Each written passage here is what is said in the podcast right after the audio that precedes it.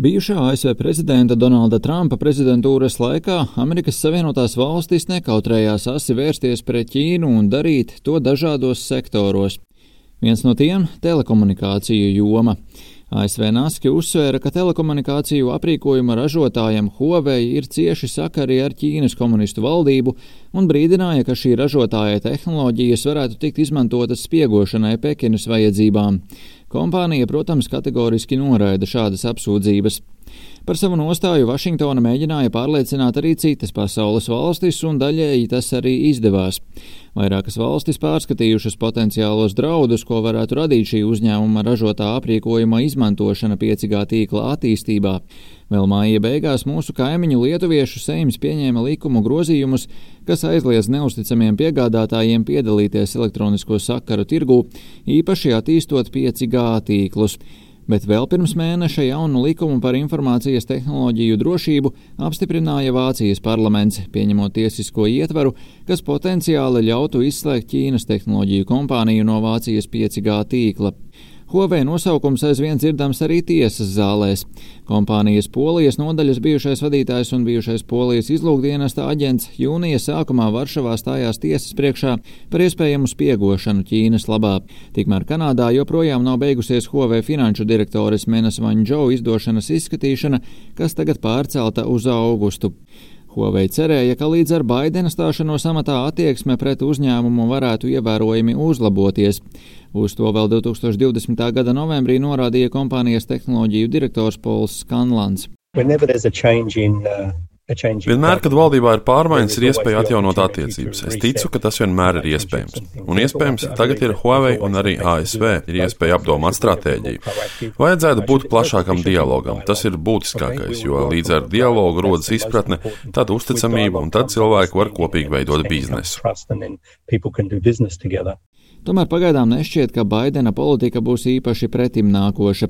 Laikā, kad prezidents Baidens stājās amatā, uzņēmums bija nospiests uz ceļiem, norobežots no ASV un daudziem starptautiskajiem tirgiem un kritiskām amerikāņu tehnoloģijām. Trumpa administrācija iepriekš publiskoja sarakstu, kurā bija 31 kompānija, kas pēc ASV valdības rīcībā esošajām ziņām veica piegādes Ķīnas militārajām un drošības struktūrām. Baidena administrācija sarakstu tagad ir pārskatījusi un vairāku uzņēmumu tajā vairs nav, taču ir iekļautas jaunas kompānijas. Tagad sarakstā ir jau 59 uzņēmumi un to vidū joprojām atrodams arī Huawei nosaukums. To, ka nostāja nebūtu nekļūst maigāka, atzīst arī Nacionālās drošības padomnieks Trumpa administrācijas laikā Džons Boltons. Ja skatāmies uz draudiem no Ķīnas telekomunikāciju kompānijām kā Huawei un ZTE, pret tām tika piemēroti ļoti stingri soļi, un tie ir turpinājušies un Baidena administrācijas laikā pat paplašināti.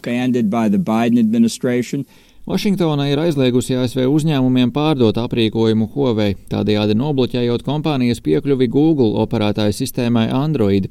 Tas licis Huawei pirms dažām dienām tirgū laist savu mobilo operētāju sistēmu, taču analītiķi skaidro, ka Huawei varētu saskarties ar grūtībām iegūt pietiekami daudz izstrādātāju, lai radītu programmatūras un saturu šai operētāju sistēmai, kas mudinātu patērētājus iegādāties uzņēmuma izstrādātos viedtelefonus tirgū, kurā dominē Android un Apple Apple iOS sistēmas. Vietālruņa pārdošanas apjomi ir ievērojami krituši, tādēļ Huawei cenšas vairāk pievērsties citiem sektoriem, piemēram, automašīnām un mākoņu datošanai. Kompānija mēģina arī izolēties no potenciālās tālākās ģeopolitiskās ietekmes un jebkādām turpmākajām ASV darbībām. Vincents Pengs, Huawei vecākais viceprezidents un uzņēmuma valdes loceklis, viedokļa rakstā uzsvēris, ka starp abām pusēm nepieciešams dialogs. Viņa prāt pašreizējā ASV administrācija izmanto daudzpusīgāku pieeju nekā to darīja priekšgājējs. Tas dodot cerību, ka galu galā valdība tomēr mainīs savu izturēšanos pret kompāniju un citiem globālajiem ārvalstu tehnoloģiju uzņēmumiem. Tiesa pēc Baidena pirmajām simt dienām amatā eksperti norādījuši, prezidents nevēlas tikt uzsverts kā maigas politikas pret Ķīnu īstenotājs. Viņš arī ir līdzis skaidri saprast, ka vēlas būt drošs par to, ka ASV vairākās frontēs spēj konkurēt ar Ķīnu, un tehnoloģijas ir šīs konkurences centrā. Rihards Plome, Latvijas radio.